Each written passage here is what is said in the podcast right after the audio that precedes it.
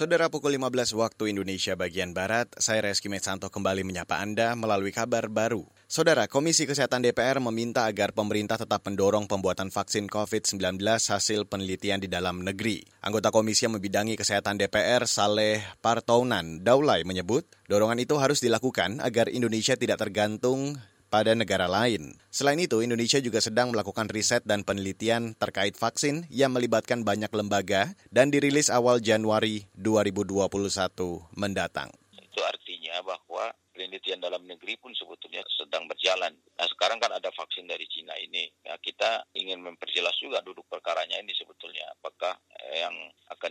oleh Indonesia itu menseriusi apa yang ada dari Cina ini atau justru nanti mengembangkan apa yang ada di Indonesia. Tetapi kita berharap bahwa yang akan diutamakan oleh pemerintah kita itu adalah produk dalam negeri karena kita ingin adanya kemandirian Indonesia dari sisi obat-obatan dan vaksin. Anggota komisi yang membidangi kesehatan DPR, Saleh Partaunan Daulay menambahkan Indonesia termasuk negara produsen vaksin terbesar di dunia, meski bukan memproduksi corona. Saudara Presiden Joko Widodo mendoakan Raja Arab Saudi Salman bin Abdul Aziz segera pulih usai dirawat karena peradangan kantung empedu.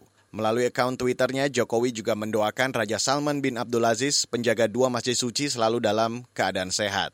Sebelumnya, pengadilan Kerajaan Saudi melaporkan Raja Salman dirawat di rumah sakit ibu kota Riyadh Senin kemarin. Saat ini pemerintah Saudi menyatakan kondisi Raja Salman stabil. Ia bahkan terlihat telah memimpin rapat kabinet virtual dari rumah sakit khusus Raja Faisal Selasa malam.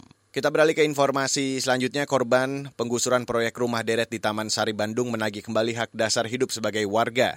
Juru bicara warga RW 11 Taman Sari Bandung Eva Iriani menyebut belum ada bentuk pertanggungjawaban dari pihak pemerintah kota Bandung tujuh bulan pasca penggusuran. Kami ini diperlakukan sebagai masyarakat seperti apa gitu kan kalau menurut BPN itu bahwa tanah ini tanah negara bebas yang belum ada kepemilikan baik dari pemerintah atau uh, kepada warga ya seharusnya dan di situ sudah jelas bahwa kalau uh, mau clear and clear harus musyawarah dengan warganya setempat gitu kan. Nah itu kan belum clear tapi mereka sudah terus menerus saja melakukan hal-hal yang uh, sebenarnya aturannya belum mereka penuhi gitu kan.